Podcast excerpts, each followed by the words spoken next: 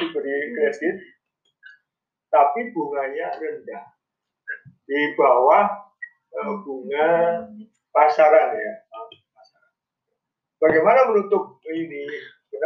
Bagaimana menutup ini, uh, selisih antara bunga pasar dan dan bunga uh, kredit program? Maka pemerintah memberikan subsidi. Ya.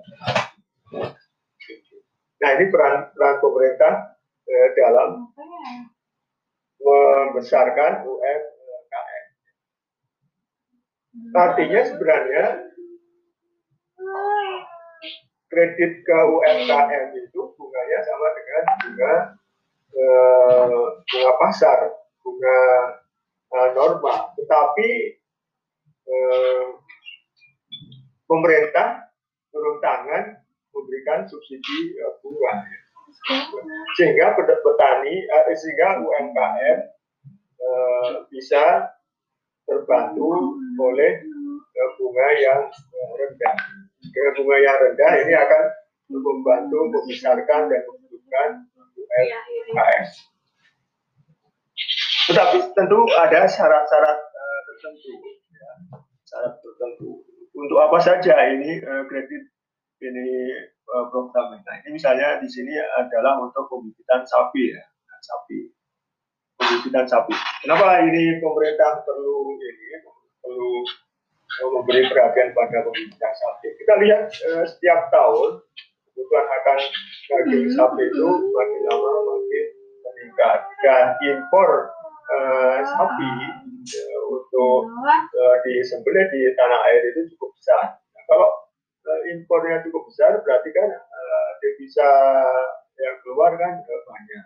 Bagaimana supaya hal itu tidak terjadi? Maka eh, pemerintah mendorong agar pembibitan sapi itu di uh, di dalam negeri bisa berkaya, bisa banyak dilakukan melalui kebijakan ini uh, penggelontoran kredit usaha pembibitan sapi.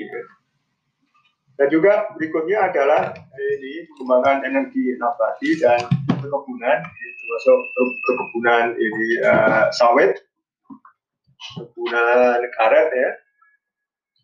Air bersih juga seperti itu air bersih. Untuk memenuhi hajat hidup uh, ini masyarakat banyak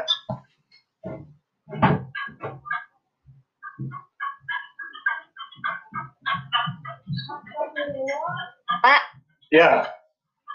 Uh, Pak mau tanya yang tadi uh, subsidi bunga untuk ya subsidi bunga untuk UKM itu apakah diberikan untuk program kur aja atau untuk program umi juga pak soalnya kan program umi itu buat yang khusus mikro gitu nah e, hmm. jadi diberikannya buat umi juga atau khusus kur aja uh, kalau ini kalau kur itu kan berarti kan ya, UMKM ya UMKM biasanya kan uh, batas penyalurannya kan terbatas sekitar 20 juta ya kalau nggak salah maksimal 50 juta ya. Jadi lebih ke ini ya UMKM ya ini ya UMKM ya.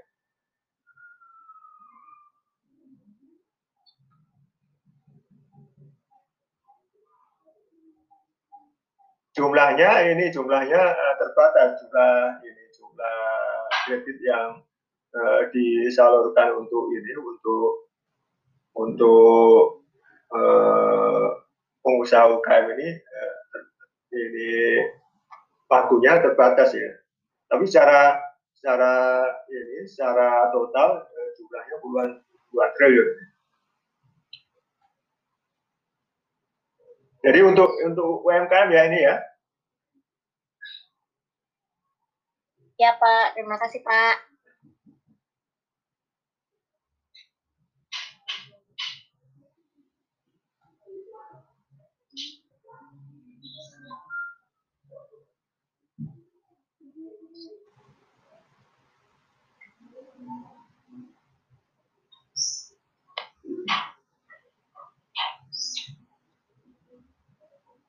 Ini uh, terkait dengan ini ya uh, subsidi pajak ini yang ditanggung untuk pajak yang ditanggung pemerintah ini misalnya adalah PPh atas uh, komoditas uh, panas bumi ya.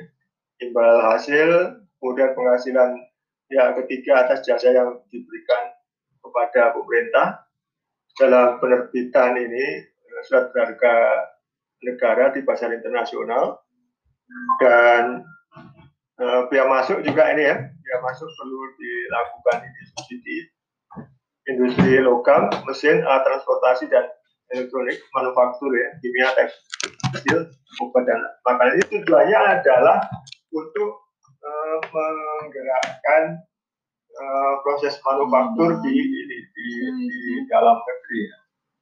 Kalau ada insentif pajak, maka di dalam negeri akan uh, uh, tumbuh industri industri, industri maksur eh, manufaktur seperti logam, kimia, tekstil ini tidak perlu ini lagi, tidak perlu impor lagi, ya. tidak perlu impor lagi.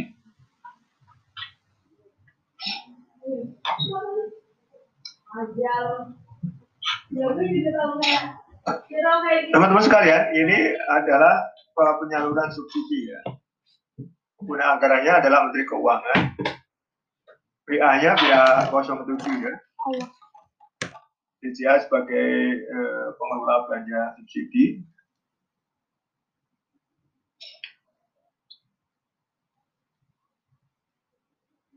Ada eh, satu, ada tu, tujuh ini ya, tujuh bagian anggaran ya. ya anggaran.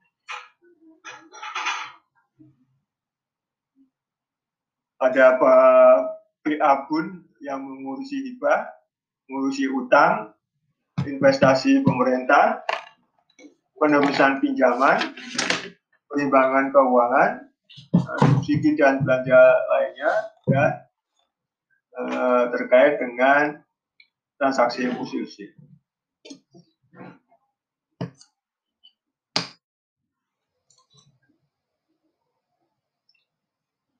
Ini teman-teman sekalian pengelolaan subsidinya di 07 itu ini eh, satkernya eh, KPA-nya eh, ininya pengguna pengguna anggaran eh, dan KPA-nya bisa kita lihat di di sini ya.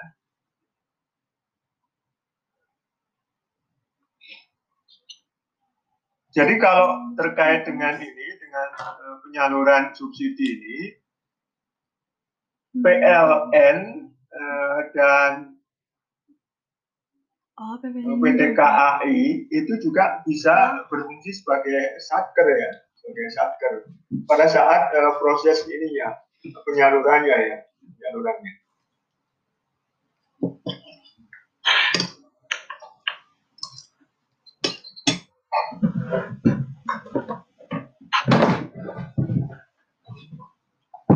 Ini eh, bentuk-bentuk uh, ini ya, uh, di BA-nya ya. BA-bun ada di 9907 uh, ya, belanja subsidi.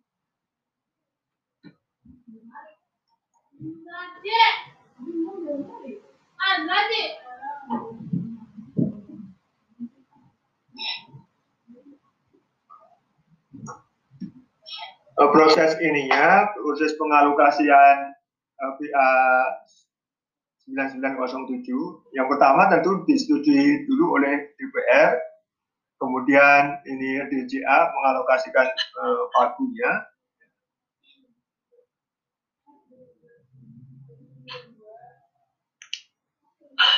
Kemudian PPA pun uh, ini ya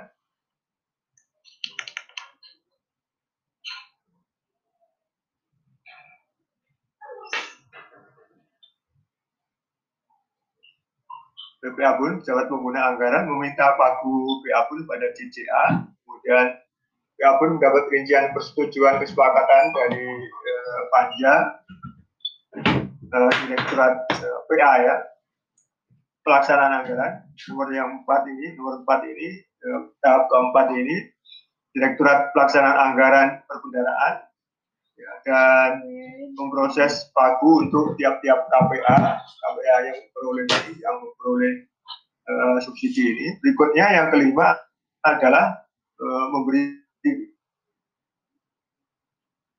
informasi uh, ini kepada tiap-tiap KPA uh, tentang jumlah pagu yang uh, mereka dapat. Kemudian berikutnya yang enam adalah KPA menyusun usulan anggaran PA Bun dan mengajukan ke uh, PPA. Berikutnya yang uh, ketujuh uh, PPA mengkompilasi seluruh usulan KPA dan melakukan penelaahan penelaahan bersama dengan DJA dan selanjutnya disampaikan izin ke DJA. Yang terakhir ini DJA eh, menetapkan tipanya ya, eh, mengeluarkan uh, tipanya, menetapkan tipa. Jadi ini proses dari mulai persetujuan DPR sampai ke uh, penetapan ini ya uh, di ini ada uh, sekitar sembilan ini sembilan tahap ini. Persetujuan RUU APBN menjadi RUU menjadi undang-undang ya. Undang-undang ini biasanya sekitar ini ya uh, Oktober ya sebelum sebelum Oktober ya sebelum Oktober dan ini melibatkan uh, banyak kurang ya, uh, banyak pihak ya.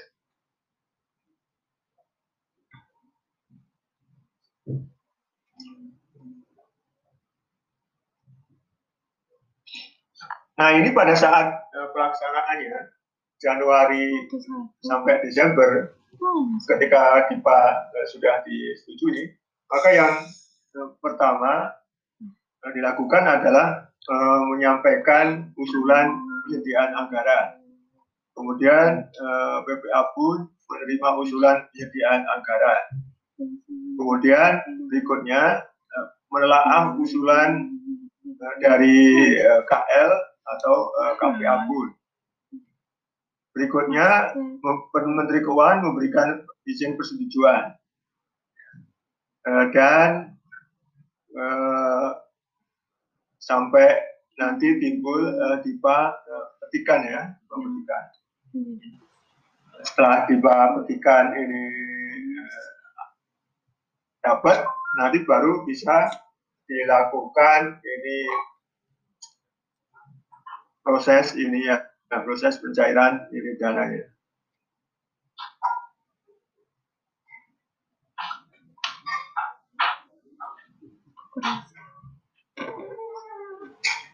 Gak bisa lagi.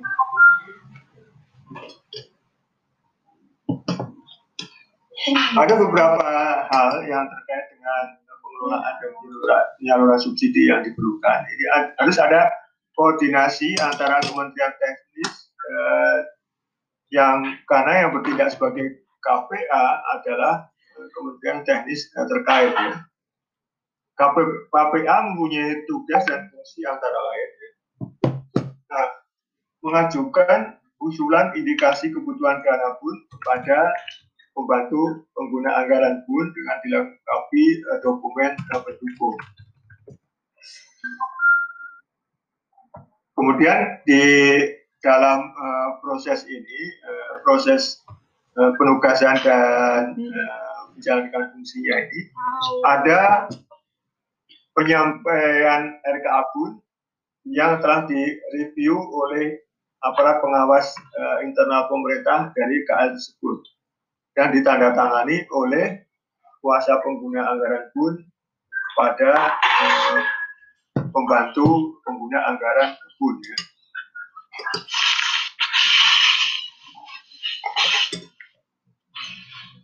Secara uh, detail teman-teman nanti bisa lihat PMK ini ya PMK 231 garing PMK 0 2 tahun 2015.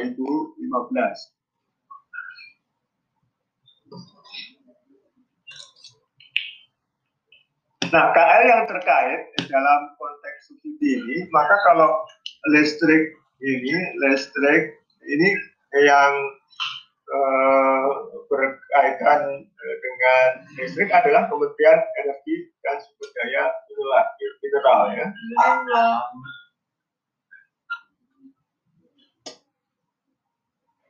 Untuk pertanian, ini Kementerian Pertanian menyangkut uh, subsidi pupuk dan subsidi benih.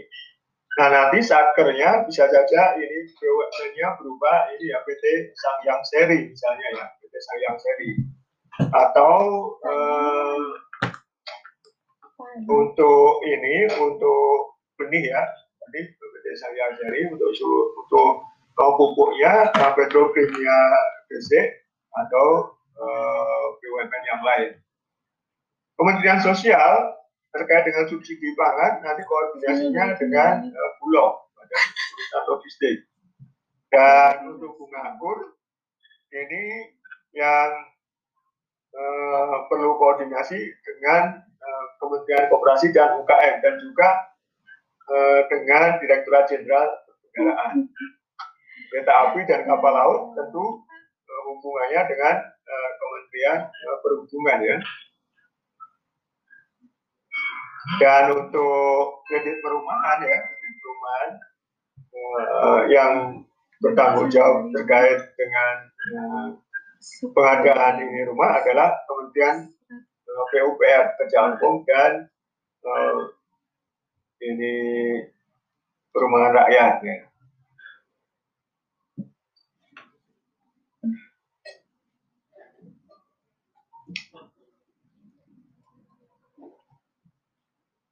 Teman-teman sekalian, untuk subsidi pangan ini ada uh, koordinasi beras miskin ya dengan koordinator Menteri ini Menko PMK ya.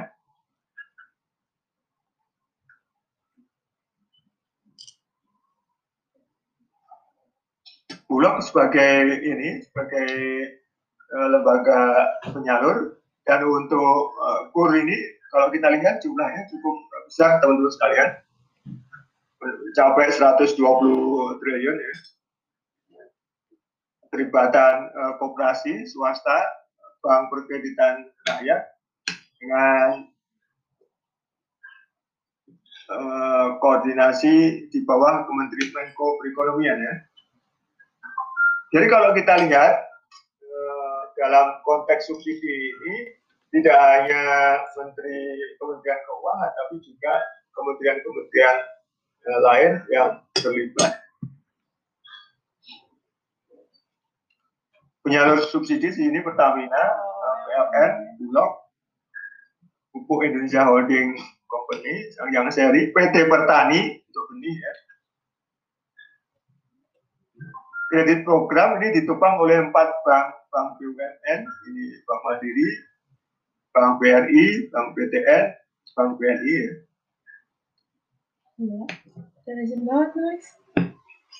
Laporan keuangan belanja keuangan belanja subsidi ini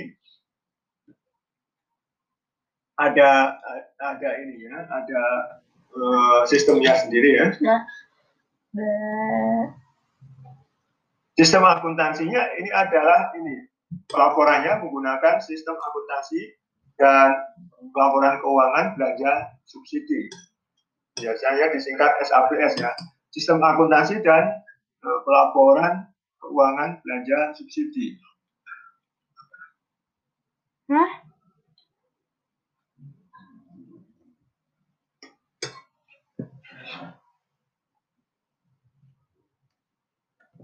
Ini entitas akuntansi dan uh, entitas pelaporannya seperti ini. Ada uang babun. Akuntansi kuasa pengguna anggaran pun ya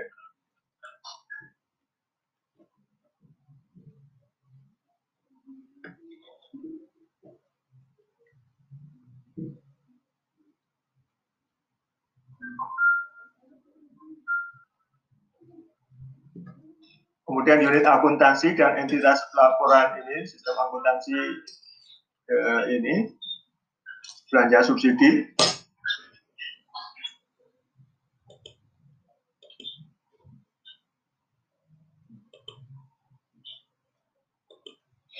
Sama seperti ini, seperti unit akuntansi yang lain, itu ada UA Pabun, unit akuntansi pembantu pengguna anggaran pun, ada unit akuntansi pembantu pengguna anggaran eselon satu pun dan unit akuntansi kuasa uh, pun belanja pengelolaan belanja subsidi. Jadi ada tiga ini ya, ada tiga tingkatan ya, tiga tingkatan dari satker, kemudian eselon 1, kemudian pengguna anggarannya itu kementerian atau lembaga.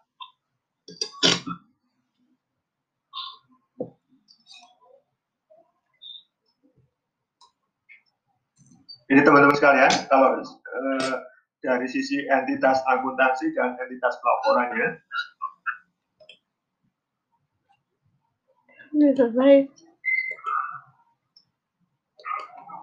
entitas pelaporannya adalah ini eh, pun atau Kementerian Keuangan ya. Entitas akuntansi itu adalah uh, satuan kerja atau unit yang melakukan uh, pencatatan dan uh, pelaporan akuntansi. Sedang uh, untuk pelaporan pengelolaannya, pelaporannya itu adalah yang melakukan pengumpulan laporan-laporan dari berbagai unit akuntansi.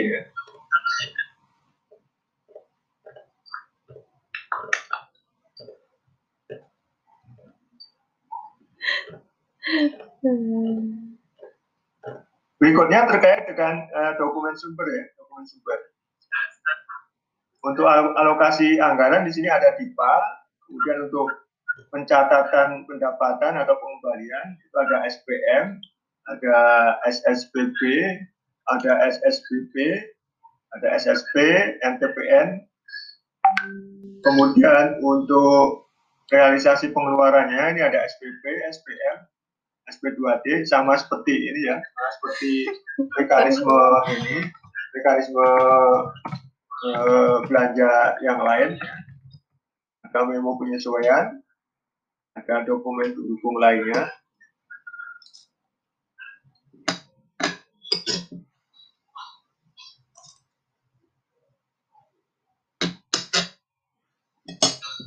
Untuk lah, untuk penyampaian laporan keuangan ini dimulai dari tingkat apa pun ya, apa pun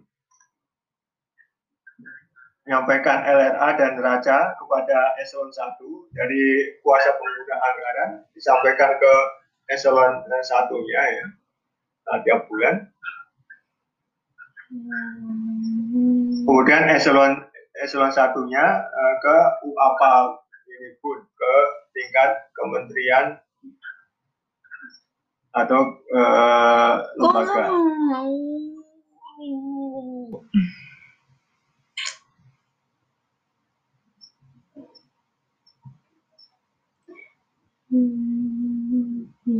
Nah, teman-teman sekalian, data ini penyampaian data laporan keuangannya ini juga bertingkat-tingkat ya, oh. mulai tingkat uh, yang ini, yang uh, paling ini, paling bawah ya, uh, ke uh, tingkat yang lebih tinggi ya.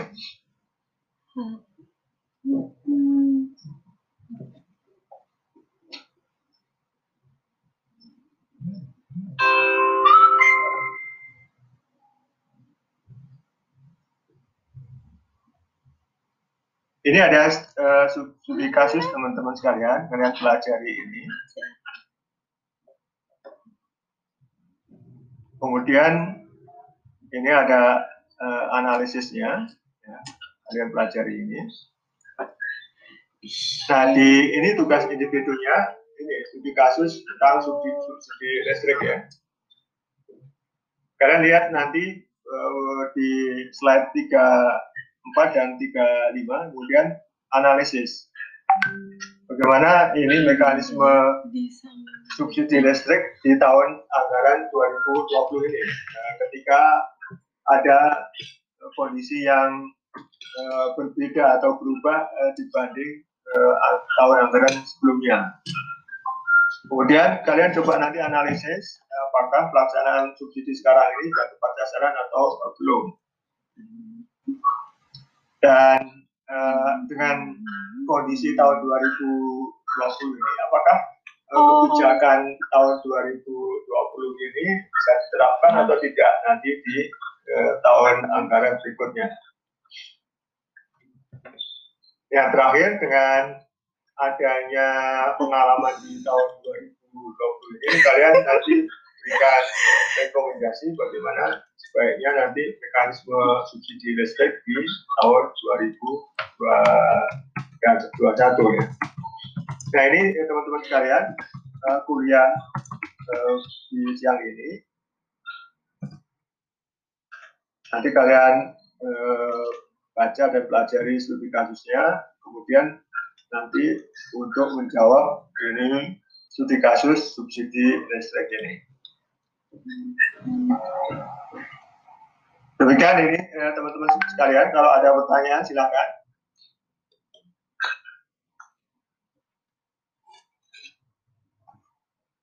Sambil saya ini isi portal.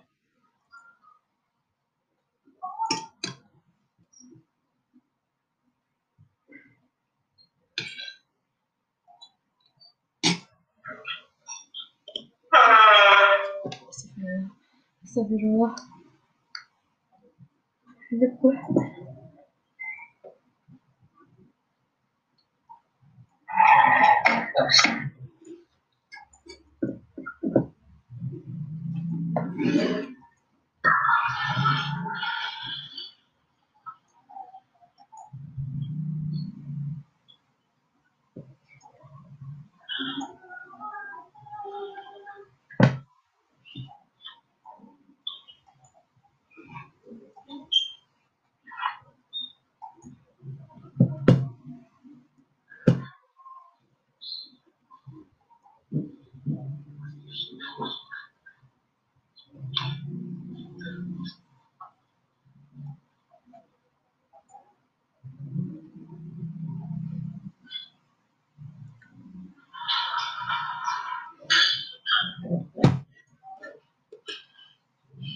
artinya eh, antara kemampuan eh, atau daya beli masyarakat miskin eh, dan pendapatan petani.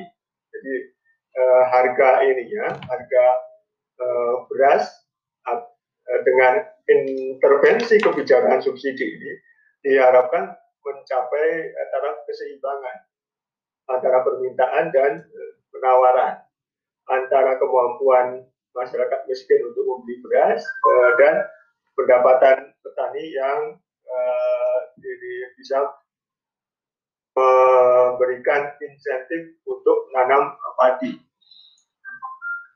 Kemudian di di subsidi non energi selanjutnya itu ada PSO ya, uh, mandatori kepada ini uh, public service obligation ini mandatari kepada perusahaan tertentu untuk menjalankan uh, atau menjual bahan jasa lebih murah sebetulnya adalah untuk uh, kelas ekonomi kereta api ya, kereta api jarak jauh. Dan juga KRL KRL itu uh, juga ada subsidinya. Dan yang yang uh, sekarang lagi uh, di uh, oleh pemerintah adalah subsidi uh, kredit program ya untuk perumahan kur ya uang muka perumahan dan UMKM ya UMKM subsidi pajak subsidi pajak ini insentif uh, pajak uh, terkait dengan ini kondisi kondisi pandemi uh, COVID ini. Eh, bagaimana ada subsidi pajak supaya perusahaan-perusahaan yang terkena efek dari COVID ini bisa dapat keringanan pajak ya. Pak. Ya. Ya silakan. Uh, izin bertanya. Ya. Oh, sebelumnya maaf Pak karena matiin kamera karena sinyal. Uh, ya. Gini Pak, kan subsidi pupuk itu kan diberikan uh, untuk mendorong untuk mendorong petani itu untuk uh, menghasilkan uh, menghasilkan produk pertanian uh, produknya ya, ya kayak gitu pak misalkan contohnya kayak beras gitu nah ya. sementara ya. uh, kita sering dengar gitu kan pak di berita-berita kalau di beberapa tempat penyimpanan beras itu banyak beras yang udah kayak nggak layak gitu untuk hmm. di diperjualbelikan atau diberikan kayak gitu. Nah, terus ya. Uh, bulog ya. Kan, dari iya, gudang ya, bulog ya. Oke. Okay. Ya. ya. Nah, itu kan artinya Pak sama aja uh, subsidi yang udah dikasih berupa subsidi pupuk tadi itu nggak nggak efisien gitu pak karena gitu ya? ujung-ujungnya outputnya itu juga nggak dipakai ya pak nah itu misalkan itu uh, solusi atau ya solusinya tuh kayak gimana ya pak? Nah ini pertanyaan bagus. Nah ini pertanyaan pertanyaan bagus. Inilah kadang-kadang peristiwa politik atau campur tangan politik itu kadang-kadang menghasilkan kondisi yang uh, buruk gitu ya. Gudang beras masih uh, penuh ya petani eh, hasilnya melimpah, panennya melimpah.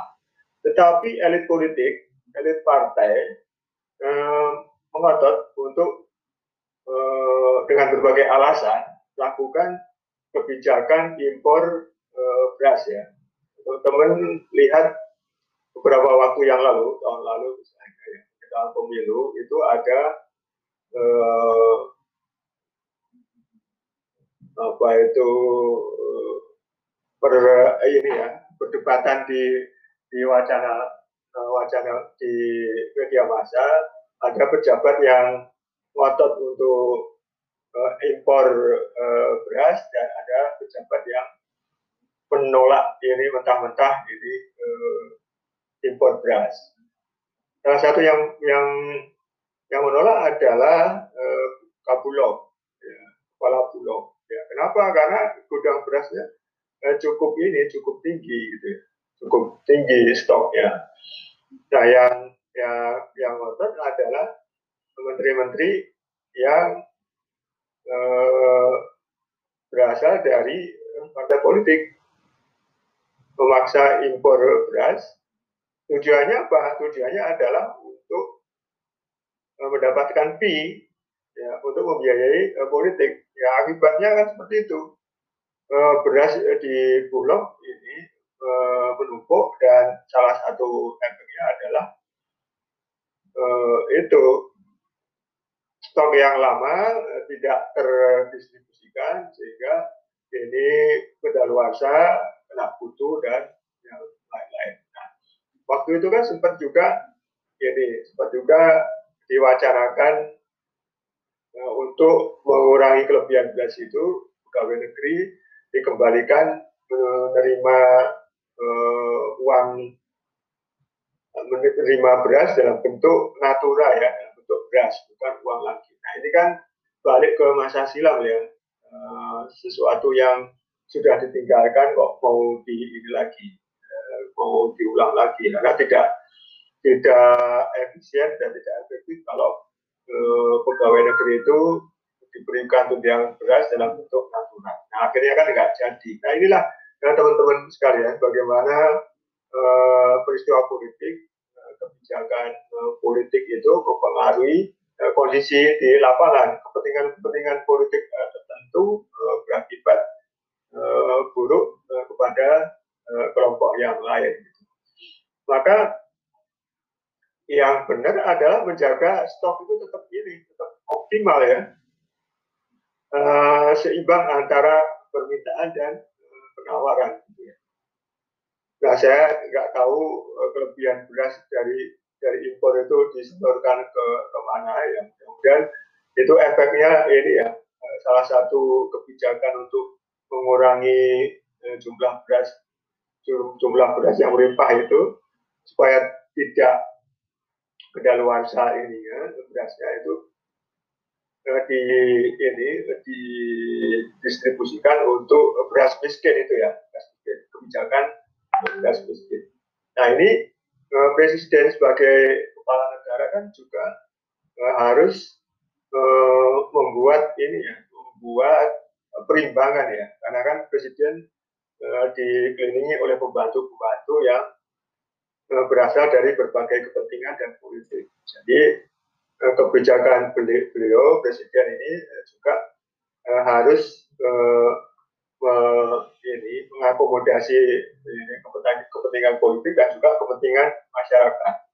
inilah eh, bagaimana kita peduli eh, kepada eh, perilaku politik dari dari ini ya, dari parpol kita gitu dan sampai eh, kebijakan kebijakan yang eh, cenderung ini eh, mementingkan uh, parpol itu berdampak kepada masyarakat luas.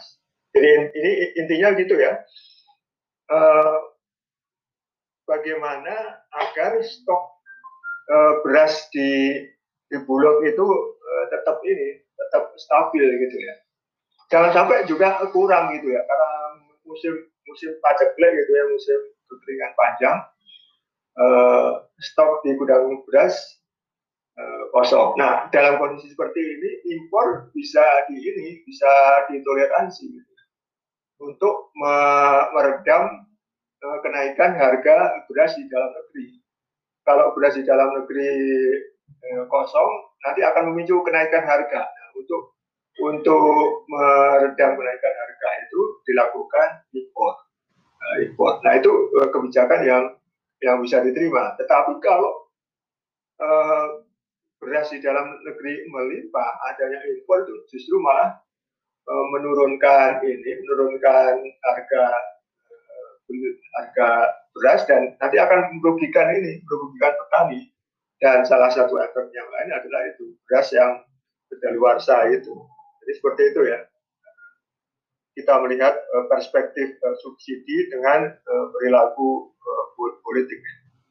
Nah dulu kan ada juga kebijakan impor daging sapi itu kan juga uh, ada nuansa politiknya.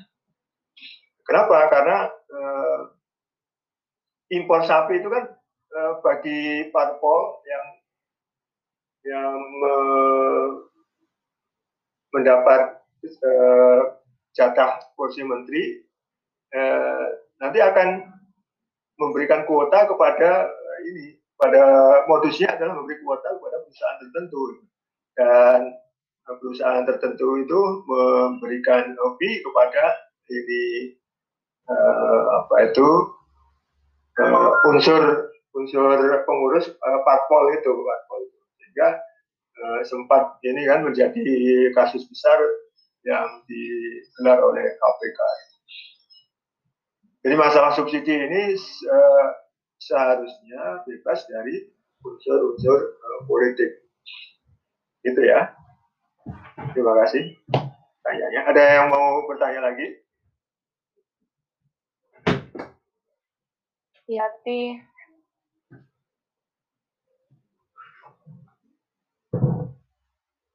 Oke ya, lanjut ya, terlanjut ya.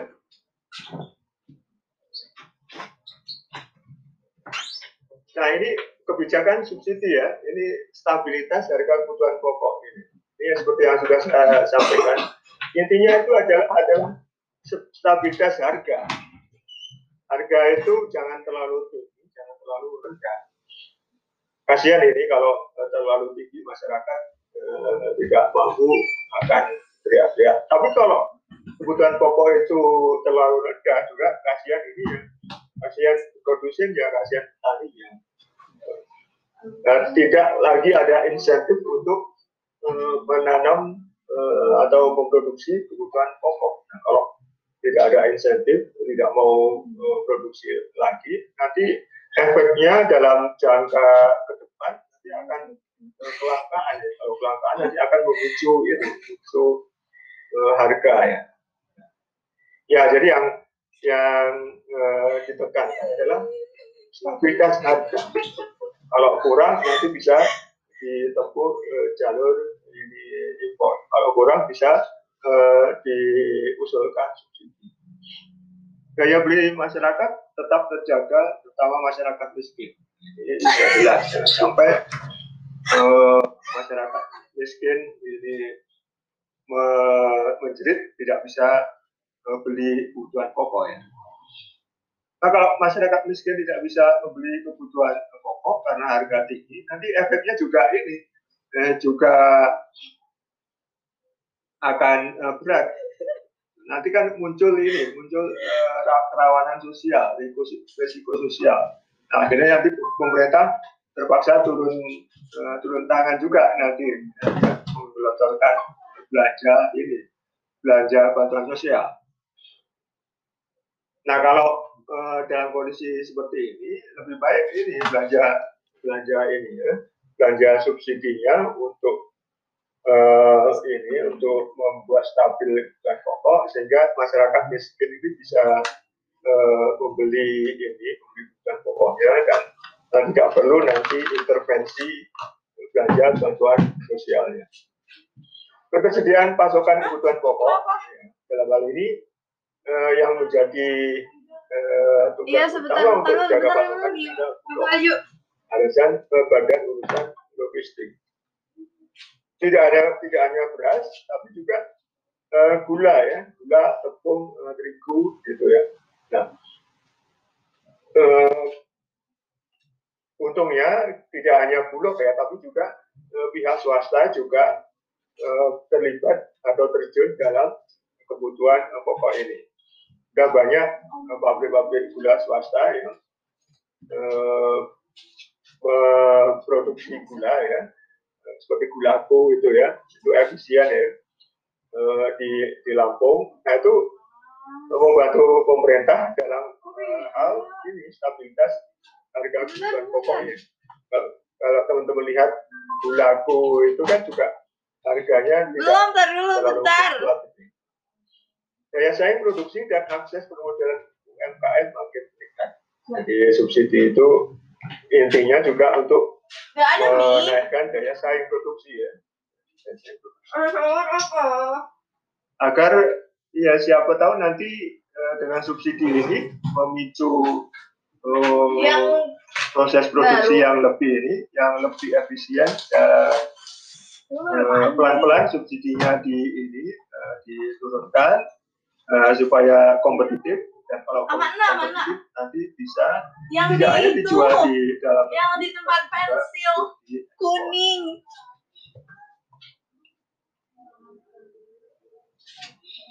Secara spesifik di tahun 2020 ini ada subsidi pajak sekalian ya. Jadi pajak dalam konteks uh, meringankan ini uh, pajak meringankan uh, pajak agar uh, iya, perusahaan yang terkena imbas ini imbas uh, pandemi covid ini bisa tidak terbebani dan bisa bangkit untuk melakukan uh, produksi nanti setelah ini uh, normal ya atau dalam keadaan kondisi new normal bisa berproduksi kembali.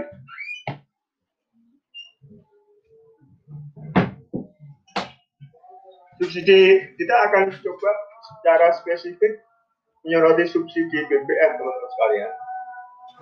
Yang pertama dilakukan tahun 2008 ini uh, cukup fenomenal, fenomenal ya. Zamannya uh, wakil presiden Yusuf Kala dan presidennya uh, Pak Susilo Bambang itu, itu, itu ada program atau kebijakan konversi, konversi dari minyak tanah ke uh, tabung LPG. Nah, kenapa dilakukan ini uh, konversi? Karena subsidi minyak tanah itu cukup besar dan dari tahun ke tahun itu jumlahnya makin meningkat. Kenapa? Karena harga keekonomian minyak tanah itu lebih tinggi eh, dibanding eh, gas gas ya. sehingga pemerintah secara drastis mengubah perilaku dan kebiasaan ini menggunakan minyak tanah eh, ke kompor gas. Dan ini kenapa fenomenal menurut karena melibatkan puluhan juta rumah tangga ya. Perubahan, perubahan drastis revolusioner rumah tangga yang tadinya minyak tanah pindah atau beralih ke gas. Dan ini sempat menimbulkan sama ya dalam beberapa hal menyangkut perubahan-perubahan sistem dan perilaku. Itu tentu di awal itu ada gejolak-gejolak.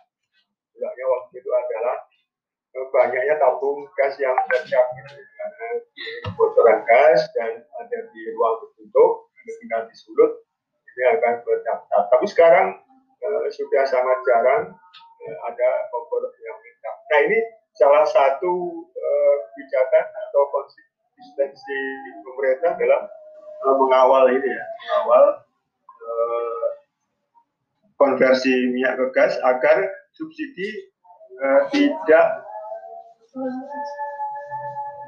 membengkak uh, naik dari tahun ke tahun.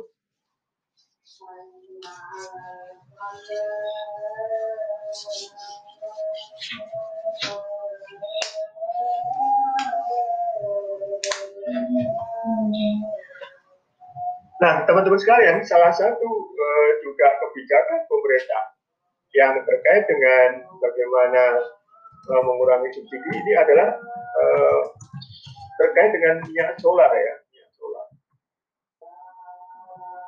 Minyak solar, pemerintah sudah mencanangkan untuk uh, biodiesel uh, B30 ya.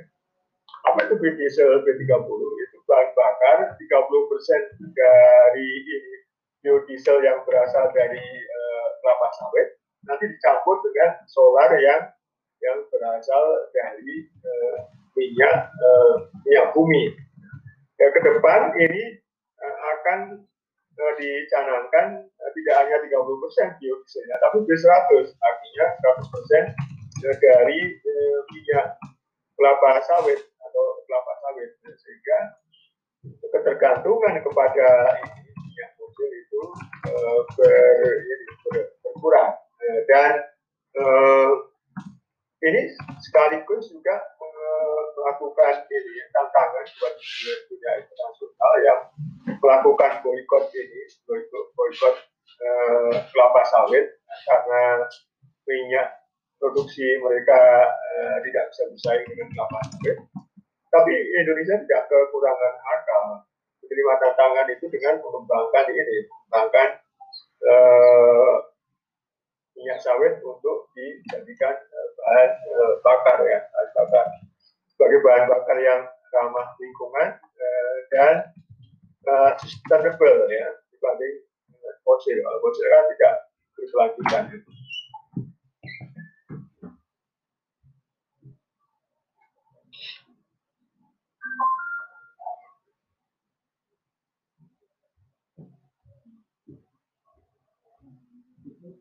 Juga yang terkait dengan uh, eh, ini energi ini menyangkut LPG ya, LPG 3 kg itu makin lama makin ini makin naik ya. Dan nanti kalau misalnya eh, eh, tabung LPG yang 3 kg ini kan eh, juga saat ini tidak diturunkan harganya ya. Karena untuk supaya uh, subsidi, subsidi terhadap BBM ini LPG ini tidak terlalu besar. slide 9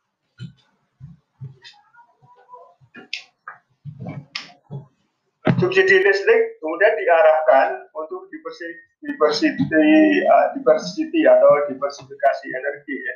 Yang tadinya uh, batu bara ya, batu bara, uh, kemudian dialihkan uh, kepada penggunaan gas ya. Juga ini uh, listrik uh, dari kincir angin, listrik dari air, uh, kemudian biodiesel, biodiesel kelapa sawit. Ya. Nah ini arah perkembangan masa depan dari subsidi listrik. Ya, pemerintah pelan-pelan mengganti ini, mengganti bahan bakar ini fosil yang tidak ramah lingkungan kepada bahan bakar pembangkit listrik yang ramah lingkungan. Seperti uh, gas, biodiesel, tenaga surya dan uh, tenaga angin. Kebijakan yang lain adalah subsidi listrik itu hanya diperuntukkan untuk rumah tangga yang uh, memakai listrik 450 watt ya, 450 watt, golongan 450 watt yang kecil gitu ya dan 9, 900 watt. Nah kalau uh, kita lihat uh, sekarang ini kan uh, kecenderung cenderungannya uh, untuk buka yang baru itu uh, di atas 9, uh, lebih dari atau sama dengan 900 watt yang 450 sudah tidak dibuka lagi karena kalau dibuka lagi berarti akan menambah uh, jumlah subsidinya 250 volt sudah tidak ditambah lagi.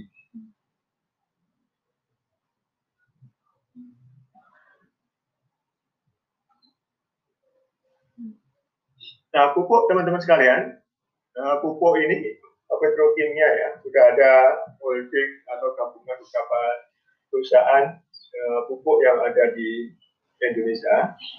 Dan subsidi pupuk ini di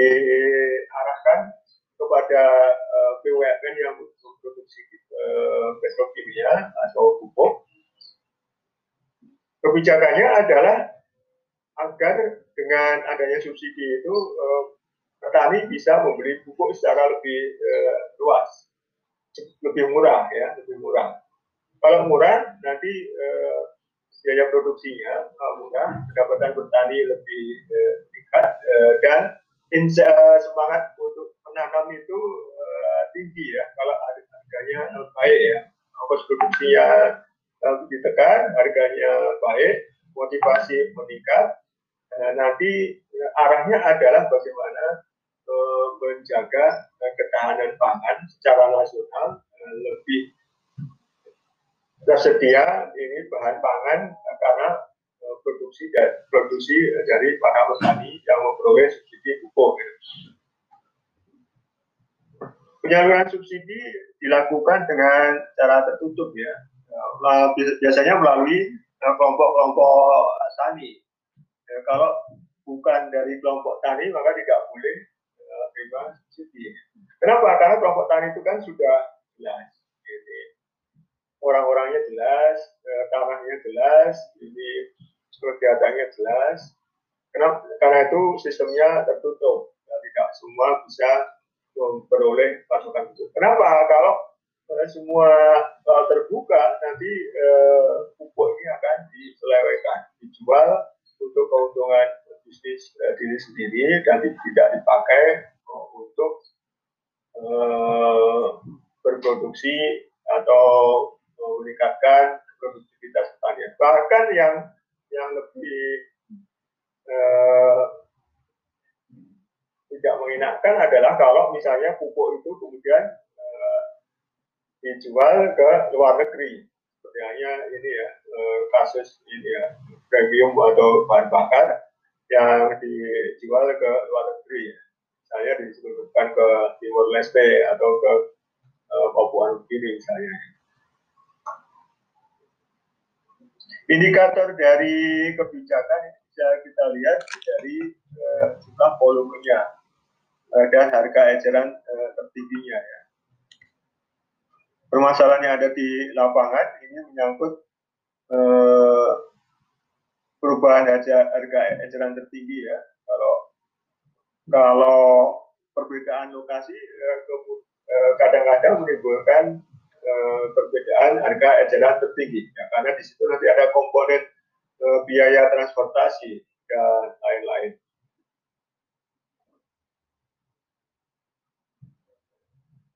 Nah, teman-teman sekalian, PSO (Public Service Obligation) subsidi eh, jenis berikutnya yang non energi ini tadi sudah disampaikan PT KAI dan juga PT Pelni ya. PT Pelni ini kita lihat uh, perusahaan pelayaran BUMN yang menjalani rute uh, di wilayah Nusantara ya. Menjelajahi dari Belawan uh, Medan, Pelabuhan Belawan Medan hingga ke uh, Jayapura ya, dari wilayah barat uh, ke wilayah timur. Nah, kenapa ini?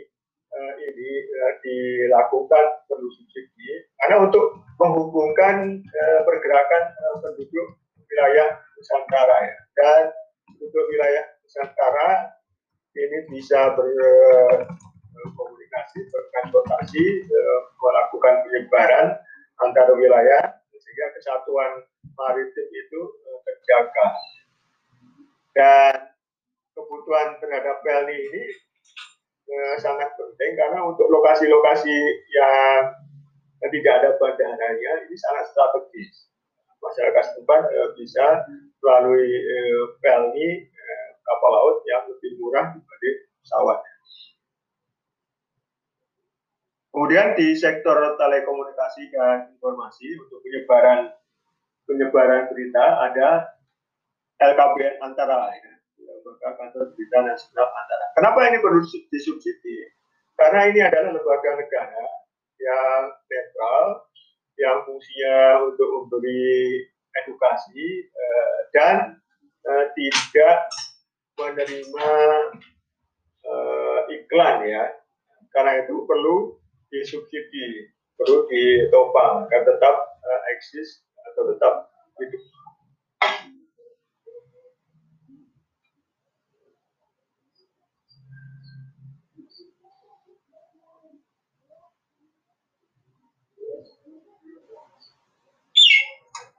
subsidi bertanya Oke, ya. Bang.